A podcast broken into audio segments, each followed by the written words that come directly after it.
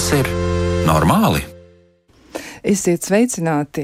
Vai tas ir normāli, ka kāda diagnoze vai kāds stāvoklis varētu tikt stigmatizēts? Un ko gal galā nozīmē stigma gan veselības aprūpē, gan arī citās jomās, bet jo īpaši šodien mēs interesēsimies par to, vai vispār pastāv stigma psihiatrijā un veselības aprūpas jomā tādā veidā, ka tā varētu ietekmēt mūs kā pacientus vai arī kā tos cilvēkus, kas sniedz aprūpi kādam citam.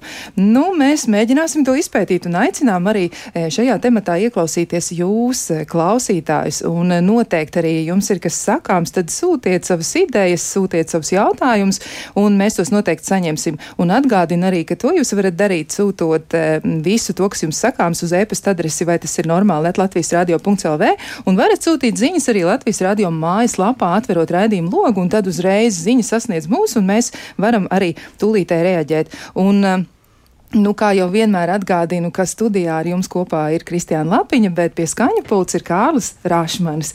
Nu, lūk, tad, nu, sāksim. Tātad es varbūt arī varu, nu, izmantot dažus datus, kas man liekas diezgan iespaidīgi un interesanti. Un, um, Tie man arī gribētu sākt. Nu, piemēram, eh, ir tādas ziņas, ko ir eh, konstatējuši pētnieki un eksperti slimību profilaks un kontrolas centrā, un viņi saka tā, ka katrs 14. Latvijas iedzīvotājs vecumā no 15 līdz 64 gadiem cieš no depresijas, un 60 līdz pat 80 procentiem gadījumu, tad, kad tas ir bijis pašnāvības upuris, šie cilvēki ir bijuši depresijā. Nu, tā tad tāda ļoti, ļoti būtiska lieta, bet tajā pašā laikā izrādās, ka slimības stigmas dēļ pēc palīdzības palīdzības nevēršas, vai arī to meklē ļoti novēloti. Un to savukārt ir secinājuši Latvijas psihiatra asociācijas kampaņas depresijas cena ietveros eh, veiktās intervijas veicēji un ārsti psihiatri, kuri ir strādājuši arī ar depresijas pacientiem. Šī noteikti nav vienīgā ilustrācija, kura, nu, saka pati priekšā to, kas notiek, ka stigma tomēr droši vien pastāv.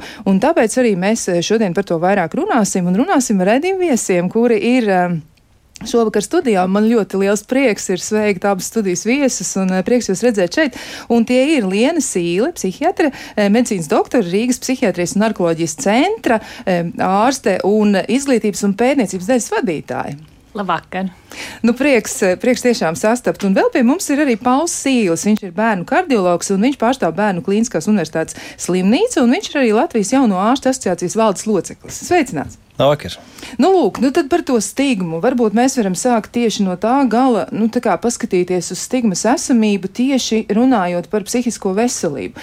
Jo tā patiesi izskatās arī diezgan daudz pētījumu ir eh, veltīti šim tematam, un arī es pavisam nesen gatavojot raidījumu saturus, eh, paskatījos arī gan ļoti jauni studenti, kas ir tikko uzsākuši studiju gaitas, ja tātad bakalaura līmenī viņi mēģina izpētīt šīs lietas, un, protams, tam ir veltīti arī bez savu gala vesels lērums arī tādu doktoru līmeņa darbu.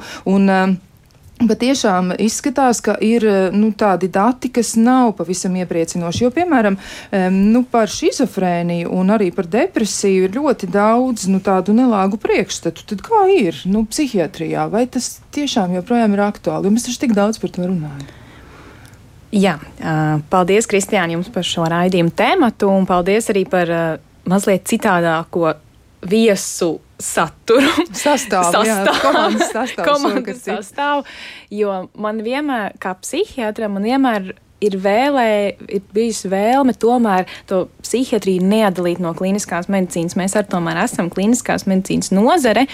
Un Tāpat kā ja mēs varam nosaukt datus par to, cik daudz, cik tur katrs septītais, vai katrs sestais, vai katrs viens no simts slimo ar kādu psihisku saslimšanu, patiesībā tāpat ir arī citās specialitātēs. Arī, arī arteriālā hipertenzija ir tikpat nozīmīga saslimšana, un arī, piemēram, endokrinoloģijas saslimšanas ir tikpat nozīmīgas, un tā prevalence droši vien ir kaut kādā ziņā pat līdzīga.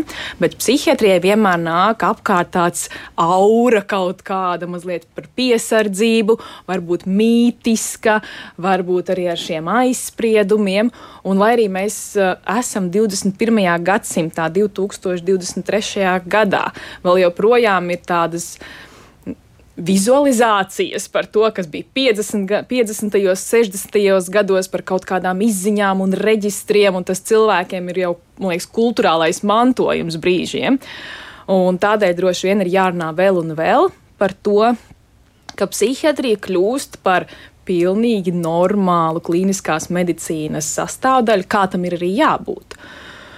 Un runājot par aizspriedumiem un stīgumu, noteikti ir uzreiz jāmin. Mēs vienmēr iedomājamies sabiedrību kopumā, kad, jā, kad ja, kā, ja kādam tiks noteikta diagnoze, noteikti viņu izstums no sabiedrības, un viņš nevarēs turpināt kvalitatīvu dzīvi. Bet uh, ikdienā strādājot savā klīniskajā darbā, ļoti būtiski mēs saskaramies patiesībā ar cilvēka iekšējo stigmu. Ir ārējā stigma un iekšējā. Un tā ārējā tas ir šis sabiedrības attieksme, un iekšējā stigma, ko cilvēks pats domā par sevi. Jo to ārējo stigmu nu jau ar lieliem centieniem un uh, mēdīju palīdzību, un, uh, intervijām un pētniecisko darbību mēs jau patiesībā to sabiedrību izglītojam, un šī izglītotība pieaug. Un manas dzīves laikā, kas ir pavadīta psihiatrijā, varbūt tas ir maz 12 gadi, bet man liekas, ir jau tāds lēciens starp galaktikām, cik ļoti daudz kas ir mainījies. Bet, ja mēs runājam par pašu cilvēku, kā viņš jūtās, tajā brīdī, kas saprot, ka viņam ir psihoemocionāli traucējumi, lūk, tas būtu tas nu, fokus, uz ko mums būtu liekas, jā, jākoncentrējās. Un, jācenšas mazināt tā iekšējā stigma, ka patiesībā šie visi mīti, ka tu nokļūsi reģistrā un tagad, nedodies, tu nevarēsi iet uz darbu, un uh, tu ieies veikalā un visi zinās, ka tu esi bijis pie psihiatra. Par to arvien vairāk jārunā, jo patiesībā es arī katru reizi stāstu savam pacientam. Uh, ka ne jau tas, ka jūs esat bijis pie psihiatra, jūs padara atšķirīgu. Jūs padara atšķirīgu jūsu slimības izpausmes. Ja šīs slimības izpausmes mēs ārstējam, korrigējam, kompensējam, dažos gadījumos vispār noņemam nost, nu, nu, jūs dzīvojat tāpat kā cilvēks, kuram ir cukurdibēts un viņš saņem savu insulīnu terapiju. Mums galvenais ir tomēr nu, nenodalīt psihiatriju, nepacelt kaut kādā citā planētā. Mēs tāpat stāvam šī medicīnas visā lielajā burbulī iekšā un ārstējam cilvēku. Nu, tādā ziņā, ka ne jau kaut kāda diagnoze vai ārsta apmeklējums padara jūs kādu īpašu, bet tieši otrādi šīs neārstātais stāvoklis ir bīstams. Arī jā. dzīvībai. Arī dzīvībai, jā. Bet, eh, nu, ko tad domā citu specialitāšu ārsti? Nu, kā mēs varētu mēģināt tiešām ieraudzīt to stigmu? Varbūt viņi tiešām arī pastāv, jo, nu, kaut vai, piemēram, nu, labi, mums ir dati tātad par to, kas, nu, nav iepriecinoši, pieņemsim, par to, ka vīrieši ļoti, ļoti ar lielu, nu, tādu iekšēju pretestību pieņem to lēmumu, ka viņiem vajadzētu meklēt palīdzību, jā, vai viņiem ir ļoti grūti, nu, tiešām vērsties pēc palīdzības un runāt par to, ko viņi jūt. Viņi arī droši vien, nu, vairāk atbalstās uz to iekšējo stigmu stigmatizācijas procesu, nu, ka tas viņiem neļauj tik tālāk. Kā jūs varētu komentēt vispār to, kā tas izskatās no jūsu viedokļa skatoties? Nu, jā, nu, um, nu, es uzskatu, ka stigma pastāv joprojām. Nu, uh, es domāju, ka tas, ko jūs minējāt, arī par to, ka vīrieši mazāk vēršas pēc palīdzības, nu, tas ir saistīts arī ar to, kā vispār sabiedrībā mēs redzam, kādas mums ir dzimuma lomas. Uh, vīrietim ir jābūt spēcīgam vai ne tur. Uh, nu, no bērna kājas bieži vien saka, ah, tu, kāpēc tu nebeidz raudāt? Taču esi puika, esi, esi spēcīgs. Un, un ar to daļai var skaidrot, ja, ka vīrieši nu, viņi, nu, ies uz priekšu vai ne, līdz, līdz kritīs, ne, un nemeklēs to palīdzību, un būs stūrgalvīgākie. Ja. Um, nu, lūk, par to, vai pret psihiatriju kopumā m, arī pašā medicīnā pastāv, pastāv stigma. Nu, uh, Es teiktu arī, ka jā, arī, arī pašu speciālistu vidū tas noteikti ir arī, arī paudžu jautājums. Jā, jaunie kolēģi noteikti ir, ir daudz atvērtāki ar, ar, ar mūsdienīgu domāšanu attiecībā pret psihiatriju, pret psihoterapiju, jā, par to, ka, ka tā ir neatņemama medicīnas sastāvdaļa, ka tā ir nepieciešama. Jā. Uh, nu, Ir gadījumi, ne visi, ne visi protams, bet nu, vecākā gada gājuma kolēģi, nu, kas ir, kas ir aizspriedumainākie pret šo, šo, šo profesiju un, un mazāk mazāk sūta savus pacientus ja, pie, pie speciālistiem, vai mazāk uzticās šai, šai medicīnas daļai, nozarei. Nu, re, kā interesanti tas izskatās. Ja? Un, eh, nu, kādreiz man liekas, es esmu kaut kur dzirdējis arī pats savos studiju laikos, nu, kad ir tāds izteikums bijis, ka nu, psihiatram tas vecums tā ļoti piestāv. Ja? Viņš daudz, nu, daudz ko ir redzējis, viņš ļoti daudzām dažādām klīniskajām situācijām ir saskāries.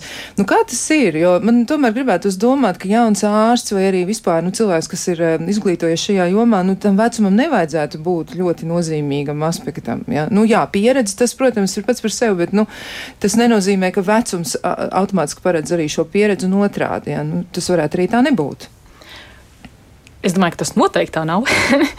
un, bet, manuprāt, arī mums tomēr ir tāds aģisms kaut savā ziņā medicīnā, un viņš ir abos virzienos. Ir, nu, tā kā, ir tāds sadalījums brīžiem, ka ir cilvēki arī pašā medicīnas, visā veselības aprūpas sistēmā, un tā ļoti spēcīgi, kas uzskata, ka, nu, ja tev nav 42, tu taču nevari kaut ko vadīt, vai tu nevari būt kaut, kaut, kaut kāda veida līderis, jo tu taču, nu, esi vēl tāds maziņš un jauniņš.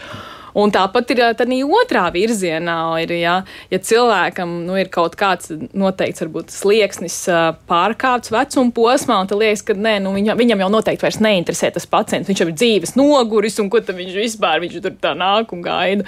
Bet tas arī, man liekas, tie arī ir aizspriedumi savā ziņā, jo nu, personību vecums nav vienīgais parametrs, pēc kā mēs varam, pēc kā mēs varam vērtēt personību un cilvēku interesi un kaislību un zināšanas un pieredzi. Jo, ziniet, 30 četros gados var daudz redzēt, daudz piedzīvot, aizbraukt pieredzes apmaiņās, var strādāt 8 stundas dienā un arī nodežūrēt 10 tūkstošu stundu uzņemšanā jau tur trešajā kar karjeras gadā un var strādāt 30 gadus un nebūt nevienā konferencē un neaiziet ne uz vienu dežūru. Es domāju, ka atslēgas vārds ir personība un drives droši vien tā. Jā, nu tāda aizrautība, tas noteikti jebkurā profesijā ir ļoti liels pluss, ja cilvēks eh, nu, jūtas visu laiku savā ziņā tā ļoti, ļoti ieinteresēts, ja uzminēt tās mīklas, kuras ir. Bet psihiatrija ir tomēr, eh, nu, piesātināta ar mīklām. Varbūt tas ir arī tā iemesla dēļ, ka, nu, ir ļoti grūti salikt kopā dažreiz tās lietas, ja, nu, tā kā Lien, jūs teicāt par to, ka ir. Uh, Un tad, tad ir cilvēks, viņam ir kaut kāda uzvedība, ja ir kaut kāda simptoma, kas viņu atšķir no pārējiem kādā noteiktā situācijā, bet ļoti bieži ir tā, ka, uh, manuprāt, tas varētu ļoti attiekties arī uz depresiju, ka cilvēks, nu, viņš taču izskatās tieši tāpat kā visi citi, nu, varbūt viņš mazliet lēnāk kustās, ja varbūt viņam ir, nu, seja tāda skumjāka, ja, un viņš ir tāds nomākts, bet uh, citādi taču viss ir tāpat, ja, varbūt tas arī ir viens no iemesliem, nu, kāpēc tā stigma pastāv, jo īpaši, piemēram, attiecībā, teiksim, uz depresiju. Kā jums tas izskatās? Nu, man tāda, tāda sajūta, arī kliniskā sajūta, tāda varbūt ir, ka drīzāk kas ir mūsu tas uh, klupšanas akmens psihiatrijā, ka mēs uh, nevaram tā smuki nolikt priekšā rengenu vai kompjutoru tomogrāfiju, vai arī mums nav pasaulē, varbūt tas ir vairāk pētniecībā, šie funkcionālie izmeklējumi, magnētiskās rezonanses specifiski, tad tas ir tiešām pētniecības līmenī, ka mums ir grūti ar pacientu runāt skaitļos, mums ir grūti runāt tādās bioķīmiskos parametros, ko mēs ļoti labprāt gribētu.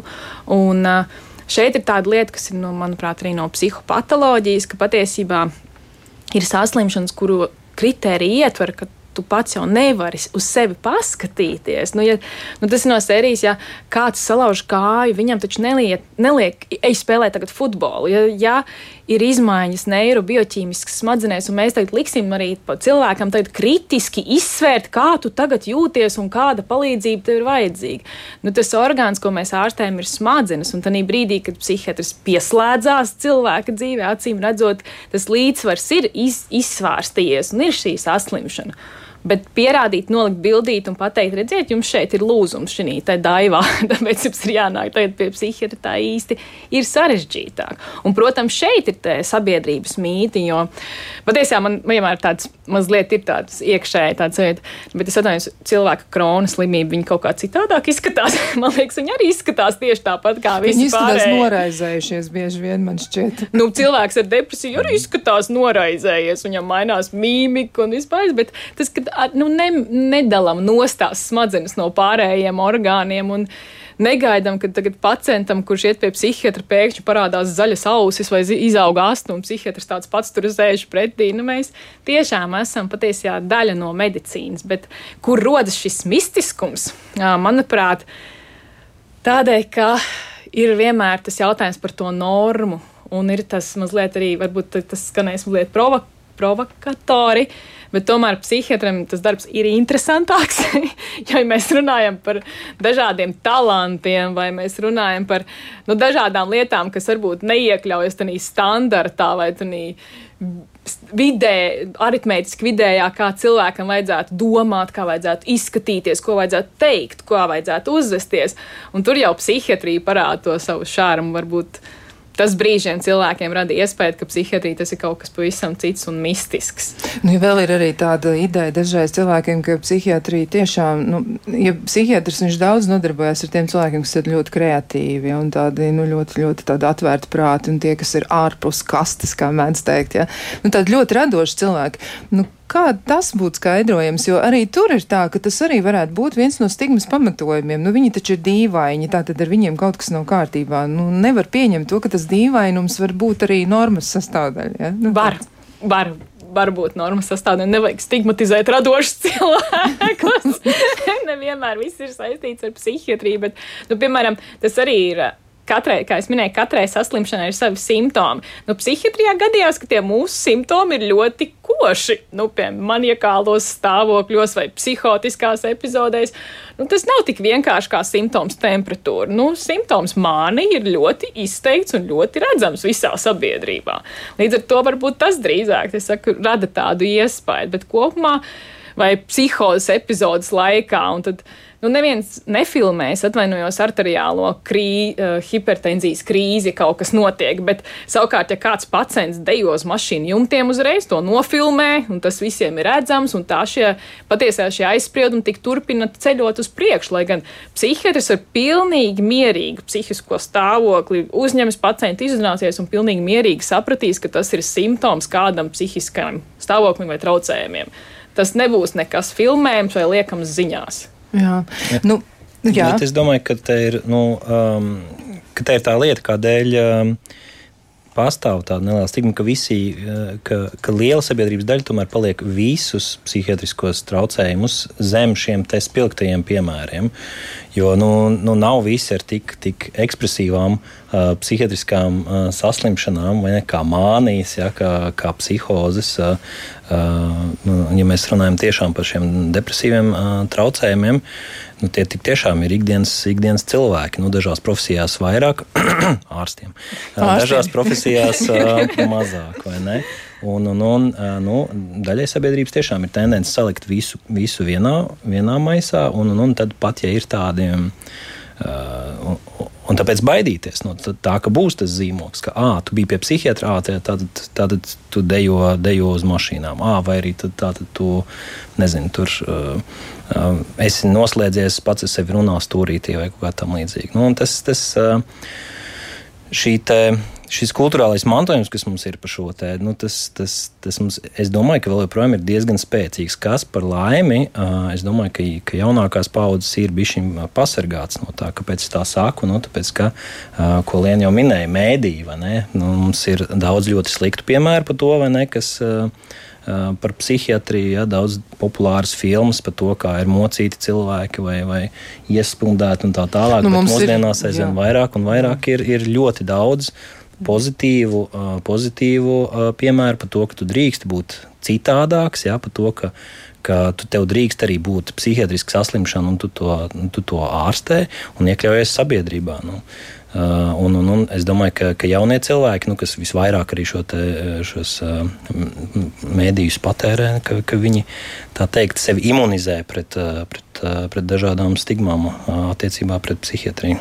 Jā, un laikam tas tāds ļoti daudz deldēts temats, jo man liekas, ka nu, gandrīz katrs cilvēks, kurš ir interesējies par kino un arī varbūt tieši par psihiatrijas nu, tādu nu, tematu izmantošanu šajā radošajā jomā ir redzējis filmu, kāds pārlaidās par dzegus līgstu, jā, ar, ar Nikolsonu galvenajā lomā, kas liekas ir spoža filma, patiešām mm -hmm. brīnišķīgi tēlojumi un arī ar tādu ļoti, ļoti spēcīgu atainojumu, bet tur ir ļoti daudz ideju par to, ka tas ir kaut kas represīvs, kaut kas tāds, kas ieslog cilvēks, un tur tā pretestība, galvenā varoņa cīņa par brīvību, zināmā mērā tā ir arī nu, cīņa pret sistēmu. Tur ir ļoti daudz un tādu visādi zemtekstu, bet varbūt arī tā stigma joprojām vecākās paudzes cilvēkiem varētu būt saistīta tieši tieši ar to represīvo daļu, ko savulaik ar psihiatrijas starpniecību ir centušies īstenot. Nu, kas ir kaut kāds varas instruments bijis? Es domāju, ka pavisam noteikti. Nu, nu Ceļš padomu, padomu laikos, nu, ka, ka tas tā tika izmantots, bet, bet es domāju, ka, ka tagad nu, mēs, mēs, kā Eiropas Savienības valsts, mēs, mēs esam gaismas gadiem attālu no, no tādas, tādas vidas, tādas kultūras un tādas medicīnas sistēmas. Un, un līdz ar to nu, es domāju, ka arī protams, sabiedrības viedoklis ir mainījies, bet mums ir daudz kur augt sabiedrības viedokļa ziņā. Jā, nu, vēl klausītāji arī jautā, nu, vai ir tādas nu, atsevišķas grupas, vai varbūt ir kādas uh, slimības uh, vai psihiskie stāvokļi, kur arī iepriekš ir pieminēti pētījumos. Ja, nu, pareizi sakot, pētījums varbūt ir vairāk fokusēts uz to, lai izpētītu, kā kādas grupas pārstāvis kaut ko rēģē. Bet vai ir tā, ka ir kaut kas, kas tiek uztverts ar tādu lielāku piesardzību un ar tādām zināmām bažām, un ir kaut kas, kas, nu, tā kā liekas, no šo gan var mierīgi tik galā. Nu, tas jau nav nekas traks. Ja, nu, Noteikti, ka ir. Un arī ikdienā tas, ko mēs uztveram ar lielākām bažām, jo tas ir tā psihiatrijas, tas tāda, varbūt teiksim, tāds grūtāks darbs psihiatram kā citām specialitātēm, ka mums ir jāatbildība pret sabiedrību. Tas nu, viens no tādiem iekšējām, un arī ir ēt, ētikas, kas negribu, negribu pateikt neprecīzi, kur tas ir atrunāts, bet mums ir jāņem vērā arī atbildība pret sabiedrību, un šis ir šis sociālā bīstamība. Protams, ka psihiatriskā klīnis, klīniskais speciālists vienmēr nevar pieņemt lēmumus vai izvērtēt. Bet, ziniet, atsevišķas saslimšanas, kas iekļauj kritikas trūkumu pret savu slimību, kur uzvedība tiek regulēta psihotisko pārdzīvumu iespaidos, var tikt nodarīt pāri. Nu, Līdz cilvēkiem, pirmkārt, pats sev var nodarīt pāri, arī līdz cilvēkiem. Tad, protams, psihotiskie traucējumi ir viena no tām saslimšanu grupām, ar ko ir jāskatās uz, ar piesardzību. Un, uh, tieši ar piesardzību tādā ziņā, ka tiem būtu jābūt ārstētiem pēc iespējas agrīnāk, lai neattīstās varbūt hroniski stāvokļi vai stāvokļi, kad uh, var sasniegt kādas veida nu, kaitējumu pirmkārt jau pats sev. Un, uh, tad arī ir vienmēr tas aizspriedums par šiem te, uh, mistiskajiem reģistriem un vēl nesko. Bet, uh, Tad pašā laikā jau mums ir jāsaprot, kādēļ tad vispār cilvēkam būtu jābūt ārstētam, kādēļ, piemēram, saņemot ieroču atļauju, būtu jābūt psihiski veselam. Ne jau diagnozes, šifras traucē kaut ko saņemt vai nesaņemt, bet uh, cilvēks, kura rīcību vada murgainas pārliecības, nav piemērots. Nu, es centīšos nevienu nediskriminēt, bet ja uzvedību vada murgu idejas, viņš nav piemērots ieroču saņemšanai vai, vai darbam armijā vai darbam par pilotu. Un tādēļ, un tā ir ļoti viena no daudzajām, daudzajām diagnožu grupām, jo tādā pašā laikā psihiatrija mūsdienās tas sevi ietver dažādas stāvokļus. Tās ir adaptācijas krīzes, tie ir ļoti plaši un daudz neirotiskie traucējumi, trauksme, panikas traucējumi, kas ar vienu tomēr pieaug un ko mēs jūtam, ka mēs ar vien vairāk un vairāk aptveram. Tie ir dažādi personības traucējumi kur tāpat kompensējot un strādājot ar sevi dzīvo kvalitatīvu dzīvi. Un neviens nekad pat neieminēsies par kaut kādiem reģistriem vai ko. Bet, ja mēs runājam par saslimšanām, kas izmaina cilvēku uzdību un apdraud sevi un apkārtējos, mums ir jābūt piesardzīgiem. Jā, nu tā tad tas varētu būt viens no pamatojumiem, ka cilvēkiem ir grūti uztvert, eh, nu, viņi, viņi to varētu uztvert kā ierobežojumu, ja pieņemsim eh, autovadītāju apliecību. Mēs taču gribētu būt pārliecināti, ka cilvēks, nu, pēkšņā dusmu lēkmē, nu, kaut ko nedara, jā, vai viņš nespēja pārvaldīt savus impulsus, un viņš varētu sākt sodīt kādu uz ceļa.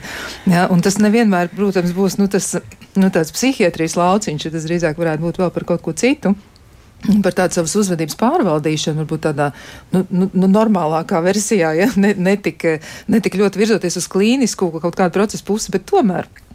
Cilvēki varētu to uztvert kā ierobežojumu, nu, ka man ir rekur jāiet, man tagad saka, ka man vajag eh, psihiatra atzinumu, jā, lai es varu darīt to un to. Un tas ierobežojums varētu taču arī kalpot par eh, nu, tādu stigmas uzturētāju. Nu, rekur sliktie psihiatri, viņi man tagad liek atbildēt uz dažādiem jautājumiem. Nu, saprotiet, psihiatri arī mūs, nu, mūsdienās vispār, vispār, nu, tas ir neiedomājama ideja, ka kāds psihiatrs tagad mēģinās, vai kādam būs vispār interese tur nezinu, iesaistīt vai, vai uz ielas vērot, kuram ir dusmu lēkmes, kas vispār nav diagnozes, starp citu, kas nu, droši vien ir saistīta ar miljonus dažādiem multifaktorāliem cēloņiem. Be, jo psihiatri patiesībā šobrīd ir pārslogoti kopumā, un līdz ar to baidīties par to, ka kāds speciāli ies un meklēs, tā tas nenotiek. Bet kā tas notiek, kad šī neārstātie stāvokļi viņi vienā brīdī dekompensēs, viņi nonāk krīzē. Un tā patiesībā ir tāda ļoti sāpīga lieta, ka mums pirmais solis, jeb, jeb sabiedrībā balstītie kādi skrīningi vai sabiedrībā balstītie pakalpojumi, vai jau sāksim ar to, ka skolās, kas notiek ar pusauģiem, kas notiek ar bērniem, mums kaut kur ir vēl projām tādi baltie laukumi. Un tad ir pieaugušais, un tad kā mēs saņemam, jūs minējat, piemēram, par auto vadīšanu, jo ja visu laiku cilvēks ar piemēram, kādiem traucējumiem, kas para, nu, kuram ir impulsu kontrols traucējumi vai, nu, nu, ja tiešām ir izkritis cauri visiem filtriem, un pat, piemēram, jau tādiem psihotiskiem traucējumiem, ja tiek izvā, iz, izraisīta avārija, nu, tā ir traģiska situācija. Tā ir traģiska situācija viņam pašam, viņa ģimenei un visiem tiem, kas ir cietuši. Un tad mēs saņemam tā kā postfaktumu. Un tad kaut ko tur ekspertīzes veids un skatās, kas ir vai kas nav. Bet arī pašā laikā, ja laicīgi vēršās pēc palīdzības, tad tāpat kā jebkuru saslimšanu ir vismaz ar lielāko procentu varbūtību iespējams nokontrolēt, nokompensēt. Ne, jo, ja ir saslimšana, nu, vienā brīdī būs dekompensācija, būs krīze, un tik un tā nonāks pēc savas piedarības diagnostiskajam spektram pareizā slimnīcas uzņemšanā. Bet kādēļ gaidīt to lūzumu punktu? Un Jā. te ir vajadzīga šī sabiedrības izglītotība, lai nebaidītos, lai atpazītu simptomus, kas nav norma un vērstos laicīgi pēc palīdzības. Jā, tas varētu būt tiešām daudz labāks mehānisms, un iespējams arī, ka daļa cilvēki jau to ir sapratuši, jo viņi ir pārstājuši raizēties arī par to, ka, nu, aiziet pie psihiatra, tas varētu būt kaut kas šausmīgs, tomēr tā stigma mazinās. Bet, nu, kas vēl no tās ir palicis un kā tas mūs ietekmē, to mēs noteikti pētīsim tālāk, un mēs turpināsim sarunu pēc īsa brīža.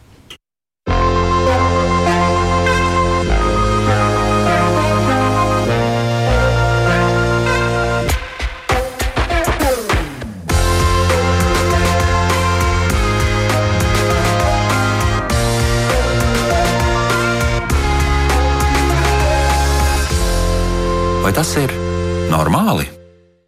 Mēs turpinām sarunu par stigmu un ne tikai par eh, stigmu, kura attiecas uz, uz psihoemocionālo veselību vai psihiatriju, bet arī uz stigmu vispār un eh, iespējams arī, mm, ka stigma ietekmē mūsu attieksmi pret veselību kopumā un arī vēl tādas dažas citas lietas, kas būtu svarīgas, nu kaut vai piemēram laiks vērsties pie ārsta. Šo jautājumu mēs arī noteikti izpētīsim un vēl gribam atgādināt arī, ka noteikti nu, aicinām jūs piedalīties, iesūtiet savus jautājumus uz e-pasta adresi vai tas ir normāli at Latvijas radio.lv.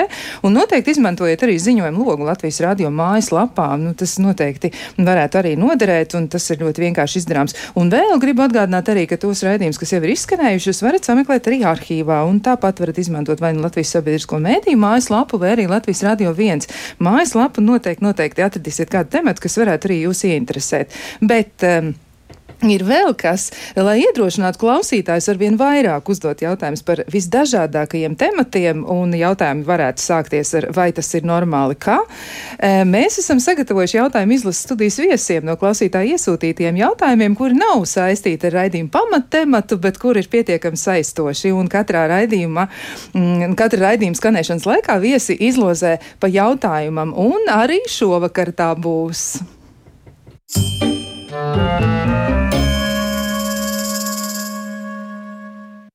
Nu, lūk, un te nu ir jautājums. Nu, tad es eh, ļaušu Lienai izvēlēties pirmajai. Nu, tā tad skaitlis no 1 līdz 3.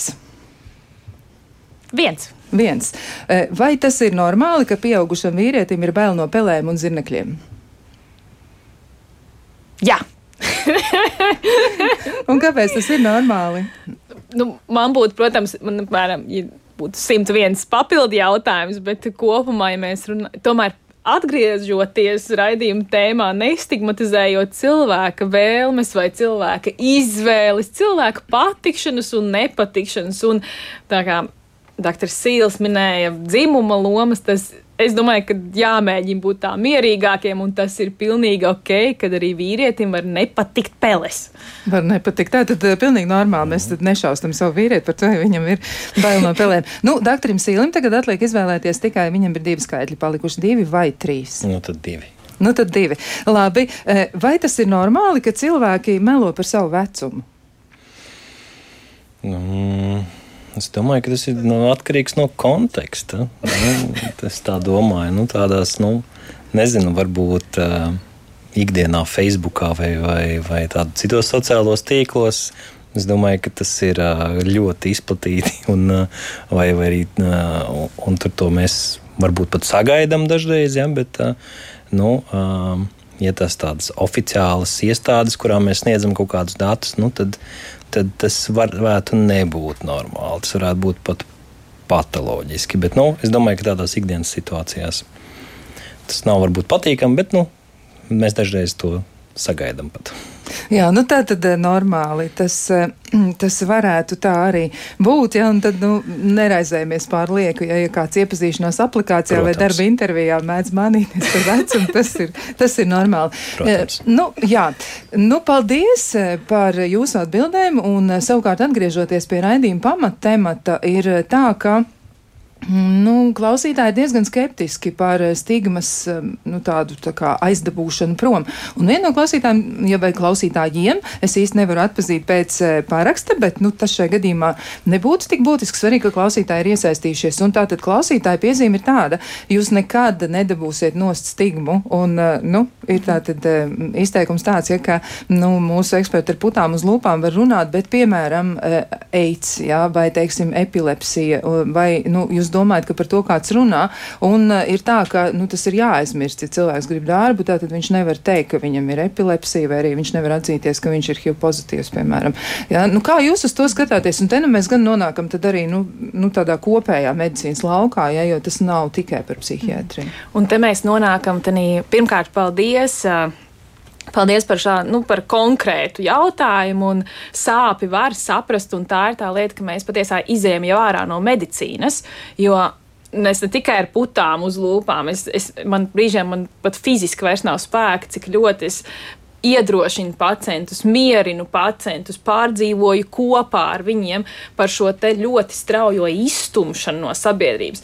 Medicīna ir jau evolucionējusi arī psihiatrija, un mēs priecājamies par mūsu ārstēšanas rezultātu. Kad jēzus, piemēram, epilepsijas gadījumā lēkmes vairs nav, viņas nav jau gadus, divus, trīs un piecus, vai arī Mēs priecājamies par uh, pacientiem ar schizofrēniju, kuriem psihozes epizodes vairs nav. 2, 3, 5, 10 gadi, protams, tur ir norise svarīgi un vispārējais, bet kopumā mums ir panākumi pateicoties zinātnē. Un tagad mēs priecājamies kopā ar pacientu, viņa ģimeni, un jā, tu esi gatavs atgriezties savā darba vidē, tu esi gatavs iepazīties. Bet šis ir tas brīdis, kur nav gatavi uzņemt atpakaļ cilvēku. Ja mēs runājam par to, ka mēs iedrošinām, un mēs tiešām runājam ar putām uz lūpām, un, un visur, kur svētdienas vakarā, pirmdienas rītā, kur vien vajag, vienmēr ejam un stāstam, cik vien varam. Mēs iedrošinām cilvēku nākt pie mums, mēs iedrošinām viņu uzticēties, mēs uzsākam ārstēšanu, mēs sasniedzam terapijas mērķi, un tad ir hop, vai arī kāds cits, cits vārds, kas notiek tālāk, kas notiek viņa darba vidē, kas notiek ar to vienu viņa kāpņu telpu ciemā, kur visi kaut ko zina, visi kaut ko runā. Līdz ar to, nu, šis ir jautājums drīzāk par sabiedrību, ne tik daudz kā par medicīnu. Un, uh, Mēs jau to šeit pieminējām, varbūt tas skan skarbi, bet es domāju, ka paudzēm ir jānomainās. Un tad stigma arī lēnām pakāpeniski cerams, ka mūsu sabiedrībā un kultūrā arī atkāpsies. Jā, nu darba devēji nu, citreiz arī atsauc uz to, ja viņam ir svarīgi, lai viņš varētu nopelnīt nu, to savu naudu, ja, un tā teikt ar savu biznesu nodarboties, un tie savukārt, kas, nu, tā kā varbūt saņem kaut kādu atbalstu ja, no dažādām programmām, vai arī, piemēram, nu, ir tādi labklājības institūcijas, ja, kas cenšas rūpēties par to, lai šīs subsidētās darba vietas būtu. -hmm. Tomēr sanāk tā, ka nu, tā pretestība vēl joprojām ir tāda nu, izjūtama, un cilvēki atzīst, ka viņiem ir grūti. Ir grūti, jo nu, mums arī tā darba vidas kultūra nevienmēr ir saudzējoša. Un patiesībā mēs, ja mēs lasām par pašu piemēram, cilvēku ar psihisku saslimšanu, dzīves kvalitāti, tad darbs ir viens no tām lietām, kas pirmkārt jau, ļauj izjust savu vērtību, kas ļauj pašrealizēties un kas patiesībā pa, palielina iespējas pilnīgai atvesaļošanai, sasniegt pilnīgu atvesaļošanos, vai vismaz stabilizēties un ilgāk būt šī remisijas, ja bezsimptomu fāzē. Bet arī pašā laikā, nu, man ir ļoti grūti brīžiem komentēt vai pārliecināt, kur tas cilvēks var iet un strādāt. Tādēļ ir šie atbalstītie darbi. Ir valsts, kurās ir saīsināts stundu laiks, ir valsts, kurās dod citus noteikumus vai dod asistentu. Latvijā, protams, ka tie ir tādi ļoti sāpīgi brīžiem arī. No sāpīgas situācijas arī cilvēkam, protams. Jā, nu, tieši tā. Klausītāji arī vēl, vēl nu, ir um, papildus arī komentējuši to, ja, ka nu, raksta tā, ka man nav vairs pēc sāpes, es esmu pie tā pieradusi, ja, un man ir gandrīz viena alga. Un, uh, nu, tad, acīm redzot, epilepsija ir ļoti nopietnas traucēklis, un šī konkrētā cilvēka gadījumā, acīm redzot, tā ir problēma, kas ir nu, ļoti, ļoti izjūtama. E, kur vēl tas varbūt ir tā sajūtams, un varbūt tas arī tiešām ir no tās sabiedrības, e, nu, nu, no otras puses nāk, ja viņi saka, nu, tad e, nē, nu, mēs labāk neņemsim, nu, tur tur tas cilvēks tāds, viņam varīga veselība, labāk nē, mēs neriskēsim. Un, doktor Sīla, kā jums tas izskatās no, no jūsu skatu punkta? No manas skatu punkta, nu, uh, nu jā, ir. Uh, Ir, protams, patoloģijas, kuras ir, ir saslimšanas, kuras ir vieglāk paslēpt, un ir tādas, kuras nu, nevar, nevar nekādīgi paslēpt. Ne? Un, uh, es domāju, ka ka liela loma šeit sabiedrības evolūcijai ir, ir jau no bērna kājas integrēt, integrēt arī bērnus, kas, ir, kas varbūt izskatās citādāk, varbūt viņiem ir kustību traucējumi, ja, un, un integrēt pēc iespējas nu, kopā vienās klasēs, un, un tad, tad jau uzaug kopā bērni, kas redz, jā, tur, nu, nezinu, tur Jānītim ir diabēts, jā, viņam vajag tur arī, daži, arī skolā vai ne pirms, pirms pusdienām veikt sev, sev špricītes, jā, vai arī tur, nu, nezinu, ilzīte pārvietojas ratiņkrēslā, ja, un tāpēc viņai ir vajadzīgs speciāls nu, lifts, lai tiktu vai ne uz, uz klasi. Ja. Ja ikdienā ar to bērni sadzīvo, tad, tad, nu, tad es domāju, ka, ka tīri drīz arī darba ņēmēji būs tie paši izaugušie bērni, kas ir, kas ir paši uzauguši kopā ar klases biedriem, kam ir bijušas īpašas, īpašas atbalsts vajadzīgs. Ja, un, un, un pakāpeniski esmu diezgan nu, liels optimists. Tas varbūt nebūs piecu gadu jautājums, desmit gadu jautājums, varbūt tas būs nezinu, dažos gadījumos. 50 gadu jautājums, bet, bet es domāju, ka mēs nonāksim tur, kur mums ir jānonāk. Ja, nu, tur, kur es manā, manā pamatspecialitātē, ja, bērnu kardioloģijā. Uh, tur jau arī šie bērniņi, ne, kur, ka, kam ir kāda diagnoze, ko ir noteicis bērnu kardiologs, nu, dažkārt ir, ir grūti arī viņiem, uh, viņiem uh, integrēties uh, savā klasē vai treniņos. Jā, ja, ja, ja sporta, tre, sporta skolotājs vai treneris redz, ka ā, kaut kāda veida kardioloģiska diagnoze, vienalga cik, cik viegla vai, vai smaga, ja, tur prasa ā, īpašas tur atziņu, īpašus atzinumus, tur zīmes, vai arī ir, ir kas, kas tiešām baidās, saka, nē, es negribu to uzņemties to atbildību. Uh, uh, un trenēt šos bērniņus ar, ar ar sirds saslimšanām, kas, kas nu, nav pamatot, jo tas ir, tas ir tīri baiļu vadīts. Ja. Un, un, un, protams, mums, mums ir no mūsu puses ne, uzdevums izglītot kā mediķiem, bet es domāju, ka, ka diemžēl ir arī daudz, kur laikam, laikam jāpieiet, lai tas mainītos. Droši vien arī tam būtu jābūt, bet kā jūs skatāties uz to, ka nu, nu, pieņemsim, ir arī tādas situācijas, kur cilvēks tiešām, viņš ir bijis pie sava speciālista, nu, piemēram, pie šī paša psihiatra, viņš, teiksim, cieši no depresijas, un viņam ir ļoti, ļoti liels grūtības, viņš cenšas par to īpaši daudz nerunāt, mēģinot sev pasargāt, varbūt arī, nu, tiešām, nu, tāds potenciāli nelāks attieksmes, par ko viņš raizēs, bet uh, vai varētu būt arī tā, un kā jums tas izskatās, mm, nu, ka tas, ka cilvēkam ir nu, piemēram, šāda veida problēma, nu, ka tas bieži vien tiek minimizēts, un arī tur tā stigma tomēr parādās tādā paradoxālā veidā, ja, ka cilvēkam saka, nu, tas jau patiesībā taču nekas nav, un ka depresija ir modas lieta, un vēl tam līdzīgas lietas cilvēks saka viens otram, ja, nu, tas arī noteikti uztur stigmu. Jā, jā. protams. Nu, saki, saki, Paldies. Nu, šis jautājums ir tāds patiesībā karsts jautājums, kas mazliet arī uzvelk brīžiem. Un, pagājušajā gadā jūs minētās arī vai arī pirms tam es atvainojos, bija ļoti arī tāds plašs raksts par depresiju, un tad profesors Ansāns arī, arī piedalījās intervijās, un man ļoti patika, ka viņš aktualizēja šo jautājumu, vai mēs brīžiem nejaucam depresiju ar nomāktību. Un ja mēs ikdienā, tagad tie tālāk tie atkal ir mani vārdi, un ja mēs ikdienā viens otram piedēvējam un paši sev piedēvējam depresiju, nu tad es atvainojos, tad brīžiem arī tas jau sāk kļūt tām tā neadekvāti. Un kad tad kā uz to skatīties cilvēkam, kuram ir depresīva traucējumi, ja viņam visiem kolēģiem ik pa laikam redz darbā ir depresija un kāds kaut ko negrib vai kāds kādam, kādam nepatīk. Un šis arī, šis te, nu, mo, jūs arī sakat, modes lieta, un patiesībā tas arī ir psihiatrijai tāds ļoti liels izaicinājums, kas, kas ir modes lieta. Visur ir modes, visās nozarēs. Un runājot par to, vai man teikt, vai man neteikt, tas ir viens no biežākajiem jautājumiem, ko pacienti arī prasa, kam man teikt un kam man neteikt. Nu, tad šis ir tāds interesants jautājums. Pirmām kārtām mums ir uzreiz jāsaprot, ka diagnozes ir dažādas, un diagnoze nav tā, kas definē cilvēku. Un cilvēks piedzimst ar personību, un personībai arī var būt akcentiņi lielāki vai mazāki, un visādi. Un, tad man jautājums, cik no cilvēkiem liek Twitterī vai Facebookā, ka viņi bija pie proktologa vai ka viņiem ir hemoroīdi vai ka, nu, es atvainojos, es, es teikšu ļoti tādas, tādas nu, pierē lietas. Un tā pašā laikā tas mūsdienās ir pilnīgi normāli ņemt un visus savus psihiatriskos simptomus pārskaitīt, atstāstīt sarunu ar savu psihiatru. Un tad arī šis te patiesībā sabiedrībā gan nemazina šos aizspriedumus. Tas tādam uh, vidējam cilvēkam liek domāt, bet kas tad tur notiek pie psihiatra? Ja tur Twitterī viens pēc otra ierakstiet, kur es tur biju kādā nodaļā, ko man tur teica, ko man tur darīja. Un, uh, Saprotiet, veselība tā ir pirmām kārtām sava vērtība, tā ir mana vērtība, tā ir katram jābūt ir vērtībai, un tā ir dziļi personiska lieta. Un tāpat arī mani simptomi vai manas diagnozes ir personiska lieta kuriem nav obligāti visiem, ar visiem jādalās.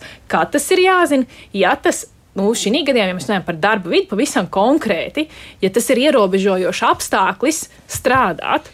Un ir profesijas, kurās nevar būt, diemžēl, ar depresijas diagnozi, tāpat kā ir profesijas, kuras nevar strādāt cilvēks ar vājredzību.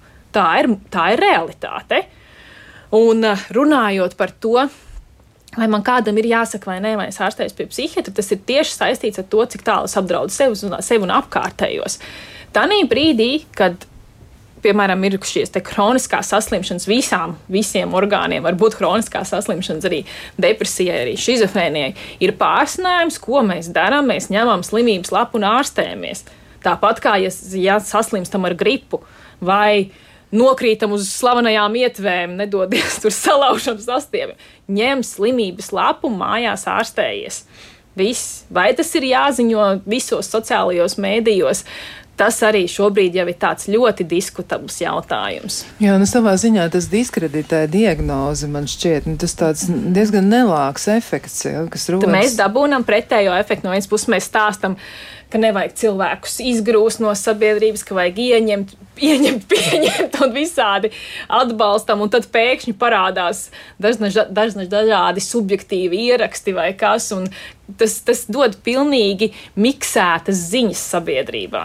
Jā, nu vēl arī atgriežoties nedaudz eh, pie nu, tādas arī kādas citas jomas, nu pie tās pašas kardioloģijas, kur arī cilvēki raizējas par to, jo tas arī ir kaut kas tāds, ja nu, sirds jau mums uzreiz liek domāt par to, vai dieniņ, vai tur viss ir kārtībā, jā, vai kaut kas, kas notiek ar elpošanu mm, un, un tādām ļoti centrālām lietām. Mm, bet kā tur tas izskatās, jo tur jau arī noteikti ir eh, nu, kaut kas, kas arī tiek teikts, nu, nu šitas jau nav nekas nozīmīgs, bet kā tad ir, kā atrast to balansu starp to, lai mēs nenonāktu tās stigmas varā, nu, ka, piemēram, nu, nevajadzētu atzīties, ka tur ir paaugstināts asinsspiediens vai kaut kāda kardioloģiska problēma, lai nezaudētu savas iespējas strādāt. Ja? Nu, ir, ir e, daži profesiju pārstāvi, kur tiešām viņiem ir regulārs e, veselības pārbaudas, un viņi cenšas noslēpt ja, tos savus nu, kaut kādus tādus rādītājus, ja, kurus varbūt tā tiešām nekonstatē, bet nu, tas izdarāms ir grūti, bet viņi tā mēdz darīt. Mm, dažreiz, e, un, un nu, varbūt kāds autovadītājs, ja profesionāls vai piloti vai es nezinu, nu, vēl kaut kāda cita profesija pārstāvja. Tad kā panākt to līdzsvaru? Līdzsvars starp to, lai cilvēki izturas atbildīgi pret savu veselību, un arī tad, ja tiešām viņiem ir nepieciešama palīdzība, viņi dodas pie šī speciālista, un no otras puses arī, lai nenotiek tā, ka tā diagnoze tiek, nu, tā apspēlēta, ka, nu, nu, tas jau nav nekas tāds, ja, nu, tas jau katram otrajam bezmaz vai, ja, nu, kā, nu, tas zaudē to savu statusu un jēgu. Mm, tas ir labs jautājums. Uh, es, uh, es domāju, ka, ka, ka tas būtu nepieciešams, ir, ir, ir kārtīgi uh, tas ir drošības tīkli, ne, lai, lai, um, lai noteiktos laikos mēs laicīgi varētu konstatēt um, saslimšanas, kas visbiežāk attīstās attiecīgajos vecumos. Ja. Nu, Latvijā mums ir, mums ir, ir daudzi, kas, kas ir, nu, piemēram, tur krūtsvēža skrīningi, zemes kakla vēža skrīningi. Bērniem arī dažādos vecumos ir dažādi, dažādi izmeklējumi, nu, sākot ar jaundzimušo periodu un tālāk bērnam augot regulāri pie ģimenes ārsta. Tā kā es domāju, ka ka šie, šie noteikti ir, ir, ir jāstiprina, lai, lai noķertu tos, lai neaizlaistu tiešām nopietnās patoloģijas, pārāk, pārāk nopietnās komplikācijās vai, vai, vai formās.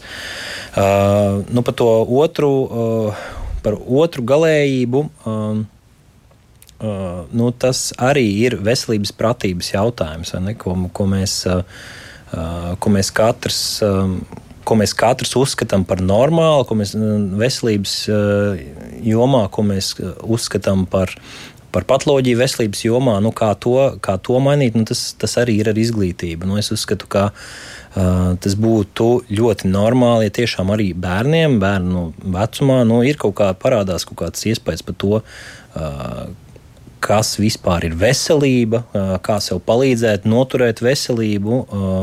Un, un, un, nu, es esmu no tiem, kam, kam šķiet, ka, ka, ka tādai kārtīgai veselības mācībai tomēr būtu jābūt arī, arī skolās, kas nu, patreiz nav, kas patreiz plānos ir. ir tikt sadalītai pa dažādiem uh, citiem, citiem priekšmetiem, bet nu, kas nav tādā vienā struktūrētā uh, kursā, kas kur turpinātos. Nu, Nu, noteikti visus pusauģu gadus, ne, kas ir visformatīvākie um, gadi cilvēka attīstībā.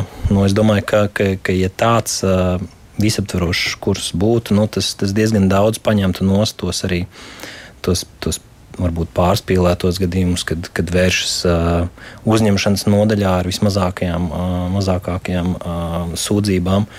Mm, es domāju, ka tas būtu viens no risinājumiem.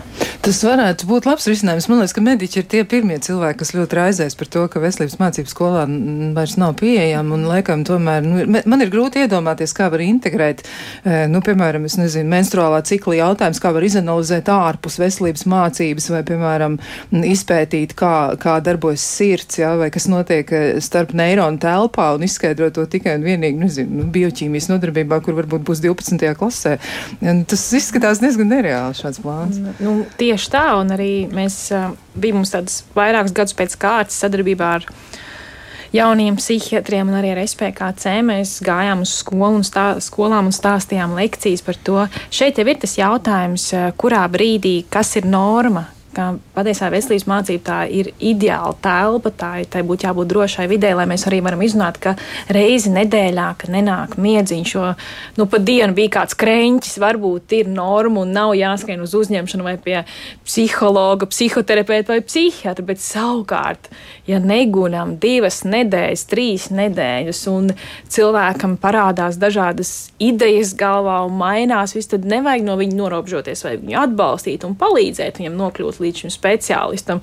Jo mums biežiem ir tā, ka tie veselākie ir pirmie, kas tiecās pēc palīdzības, un tiem, kuriem to palīdzību vajag, mēs viņus nevaram redzēt cauri tam pūlim.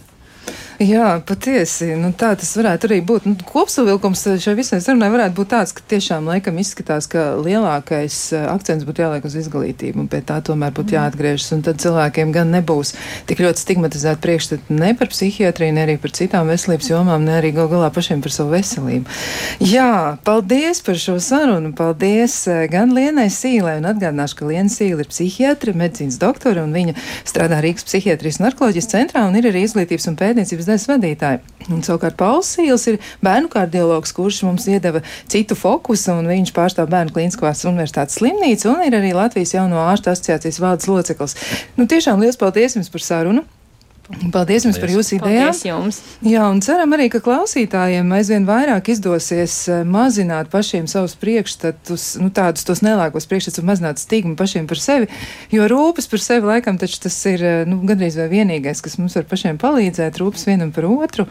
Nu, un varbūt vairāk arī jāizsaka kaut ko lasīt un pētīt, un tad jau mēs visi kopā stigmu uzveiksim gan psihiatrijā, gan arī visās citās veselības jomās. Ar jums kopā bija Kristiāna Lapiņa, par skaņām rūpējās Kārlis Rašmanis, un uh, savukārt uh, klausītājiem novēlam, nu, lai jums tiešām laba veselība, un tiksimies atkal kādā citā reizē.